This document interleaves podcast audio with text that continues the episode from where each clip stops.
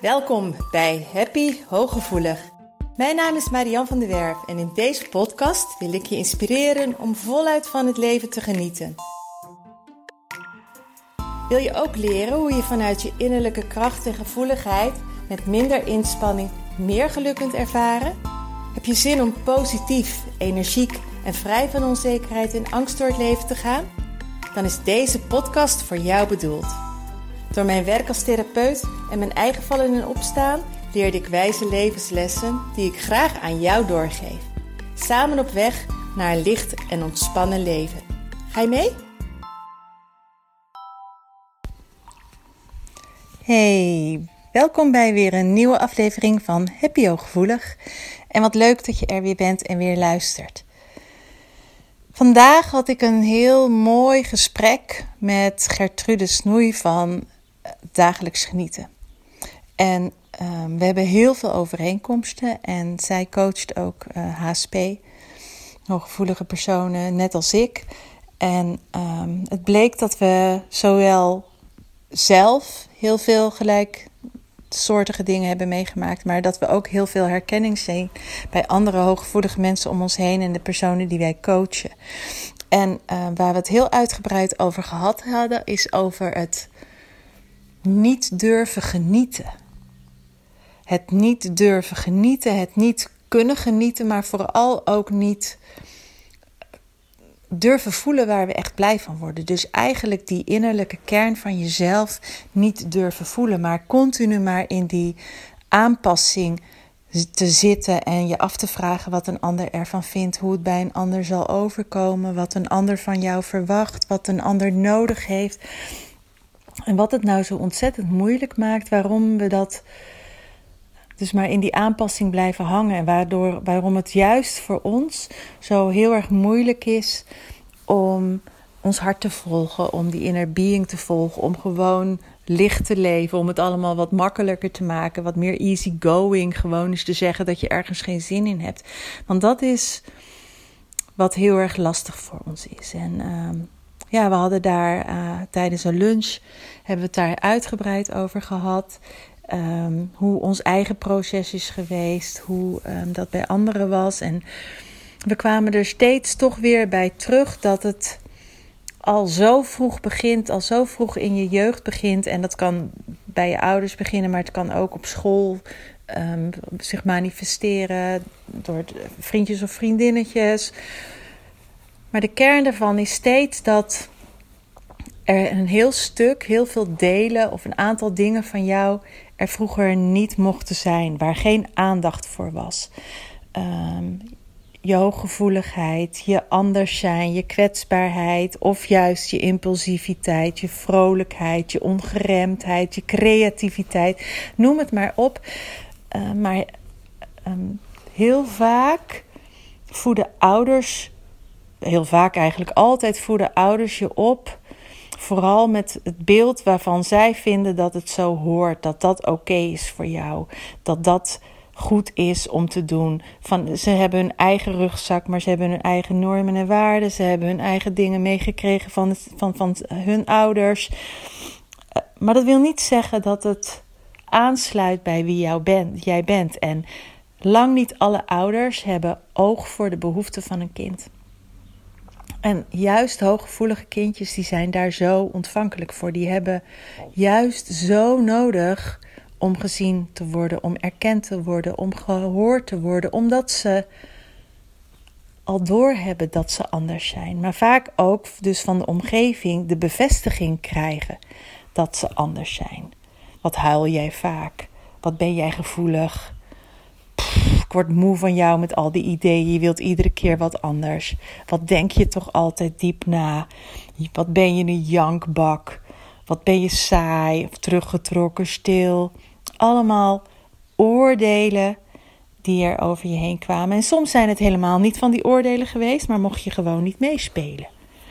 Mocht je um, werd er geen gehoor gegeven aan wat je heel erg nodig had. Zelf gaf ik op een gegeven moment het voorbeeld dat ik heel erg graag met mijn vriendinnen ergens naartoe wilde en al mijn vriendinnen die mochten en ik niet. toen had ik tegen mijn vriendinnen gezegd: nou, als je me nou op komt halen en mijn ouders zien dat jullie allemaal wel mogen en dat er niks spannends aan is, dan gaan ze misschien wel overstaf. Dus mijn vriendinnen kwamen me ophalen, maar in plaats dat mijn ouders zeiden: Nou, meis, ga maar mee. We zien hoe belangrijk het voor je is, werden ze alleen maar nog bozer. En hoe ik ze zo te kakken had kunnen zetten en hoe ik dat durfde om mijn vriendinnen te laten komen en hen uh, eigenlijk daarmee uh, voor schut te zetten. En, oh, en ik kreeg zoveel over me heen. En dan kun je twee dingen denken: of er is iets mis met je, mijn ouders, of er is iets mis met mij. En ik dacht dus van, zie je wel, er is iets mis met mij. Waarom mogen zij dat wel en waarom mag ik dat niet? En dat was zo heftig. En die overtuiging, die zat er zo diep in. En, die, en op een gegeven moment, als je van jezelf bepaalde dingen gaat denken, als je dat gaat geloven wat er tegen je wordt gezegd, en dat is dus wat er gaat gebeuren. Je gaat geloven wat een ander tegen jou heeft gezegd. Je gaat geloven dat een andere, een volwassene of de andere kinderen om je heen die in de meerderheid zijn, gelijk hebben. En dan mogen er dingen van jou vanaf dat moment niet meer zijn, want je gaat het ook tegen jezelf zeggen. Dus je gaat jezelf veroordelen. En op een moment dat je dus hele essentiële stukjes van jezelf wegduwt, dat er niet meer mogen zijn, dan voel je je ook zo super alleen. Dan voel je je zo alleen, dan voel je je zo eenzaam, dan voel je die diepe pijn die je als volwassene misschien nu nog wel voelt, die pijn van de eenzaamheid, van het niet gezien, niet gehoord worden. En daarom ben je je vanaf jongs af aan gaan aanpassen, omdat je die pijn niet meer wilde voelen. Dus ten koste wat je kost, wil je dat weer vermijden. En ga je je volsprieten helemaal uitzetten.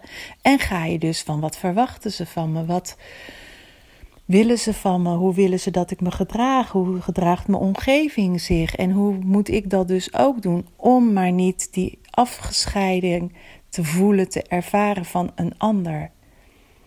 En nu, nu je volwassen bent, doe je dat nog steeds. Maar dan is het dus ook rete eng om te stoppen met dat aan te passen. Dan is het dus heel erg spannend om gehoor te geven aan wat je diep van binnen eigenlijk het allerliefste zou willen, waar je blij van wordt. Want stel je voor als die pijn weer komt. En dat is de diep gewortelde angst die bij zoveel HSP'ers huist. De angst voor die afwijzing, de angst om weer die pijn te voelen van het niet oké zijn. Van...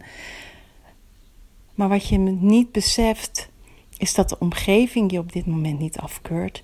Maar je voelt die diep gewortelde angst dat het zou kunnen gebeuren. Met als gevolg dat je keer op keer op keer dat deel wat er niet mag zijn, nu zelf ook wegduwt en afwijst. En dat veroorzaakt die diepe eenzaamheid. Dat veroorzaakt dat je niet gehoor durft te geven aan wat je daadwerkelijk zou willen, wat je helemaal dat je vrij zou willen voelen, dat je helemaal jezelf wilt zijn. En dat maakt ook dat je dan niet echt kunt genieten. Niet echt kunt plezier maken, omdat je vanuit je aangepaste ik opereert.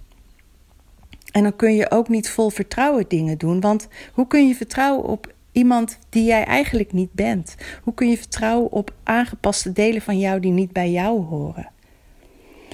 En de beweging, de allereerste beweging, is wat ik je nu ga meegeven, die zo belangrijk is, is dat je gaat beseffen dat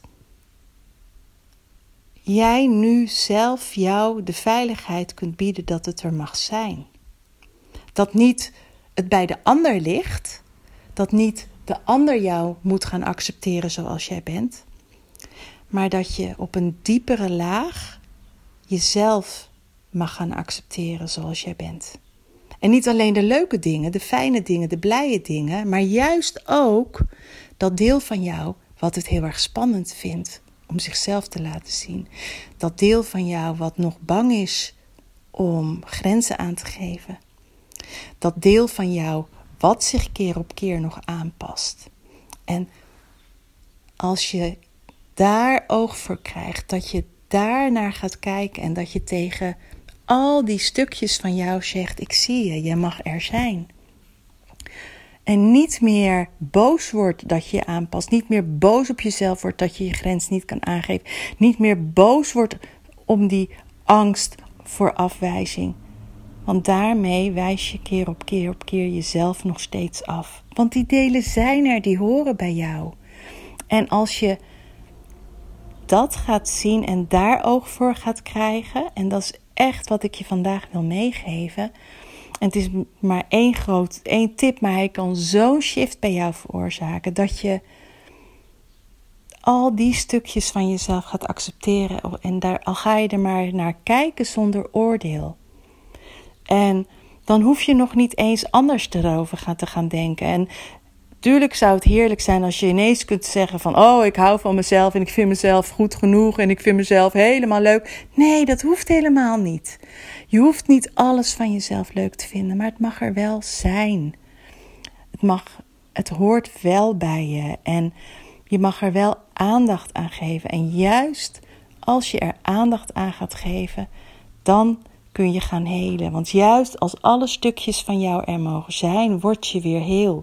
Want helen betekent, helen betekent niet nooit meer pijn voelen. Helen betekent niet alles oplossen, maar heel zijn betekent dat er ruimte is voor alles om te zijn en dat je daarmee kunt dealen. Dat je daar iedere keer op keer op keer aandacht aan besteedt, doorleeft, het er laat zijn en het oké vindt en ermee kan dealen, je er je weg in vindt. En ja, die gesprekken die ik vandaag, zo'n gesprek als wat ik vandaag had, en die match is er, en je kunt het daar met, samen met zoveel diepgang over hebben. Dat is zo mooi, want dan maak ik me, maakt het het voor mij ook weer heel erg scherp wat ik te doen heb en wat ik je wil meegeven. En Um, we hebben ook allebei, Getrude en ik, mogen ervaren hoe het, hoe, hoeveel fun je kunt hebben en hoe fijn, hoeveel lichter je leven wordt op het moment dat je deze eerste beweging in gang zet. Dat je realiseert dat het niet meer de omgeving is die jou afwijst, maar dat jij jezelf afwijst als je nog steeds die delen van jezelf verstopt en niet wilt voelen of niet wilt erkennen. En niet alleen de mooie dingen dat die zichtbaar mogen zijn, maar ook je onzekere stuk, je bange stuk, je angstige stuk.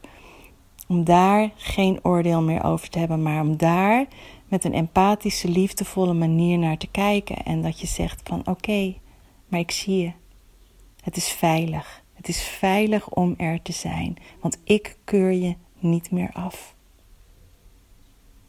Ik keur je niet meer af. Ik ben hier. Het is veilig. Je mag er zijn. Bij mij is het veilig. Laat deze gewoon eens landen. Beluister hem desnoods nog een keer. Maar ga eens kijken of je die hele mooie, zachte beweging binnenin jezelf kunt maken en wat je voelt aan verschuiving als daar ruimte komt.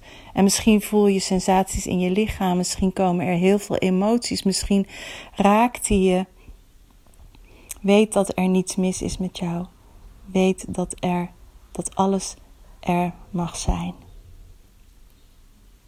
Ik hoop je de volgende podcast weer te ontmoeten. Doei!